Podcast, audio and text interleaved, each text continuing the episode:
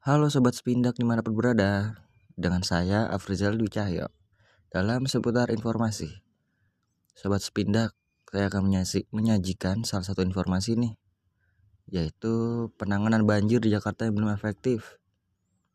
Berbagai pendapat masyarakat menilai Kinerja Gubernur DKI Jakarta Anies Baswedan dalam menangani banjir di Jakarta itu masih belum efektif.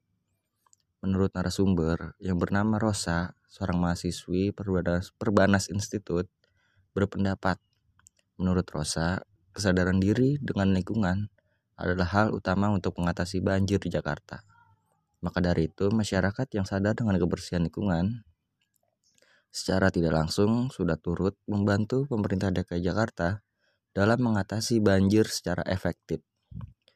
Pada saat ini, Program kebersihan dari Pemprov Jakarta juga sudah berjalan beberapa kali dalam sebulan. Namun juga masih tetap kurang efektif ya karena kurangnya kesadaran diri dari masyarakat terhadap kebersihan dan lingkungan. Akan tetapi masyarakat banyak yang abai, masih banyak yang abai. Dengan dengan pentingnya menjaga lingkungan dan lain-lain karena kesadaran masyarakat sangat dibutuhkan untuk menjaga dan mencegah banjir.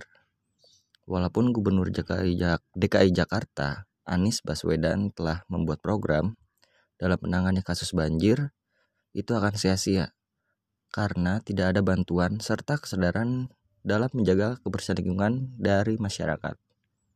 Seperti itu. Sekian informasi yang dapat saya sampaikan kepada sobat sepindak di mana pun berada.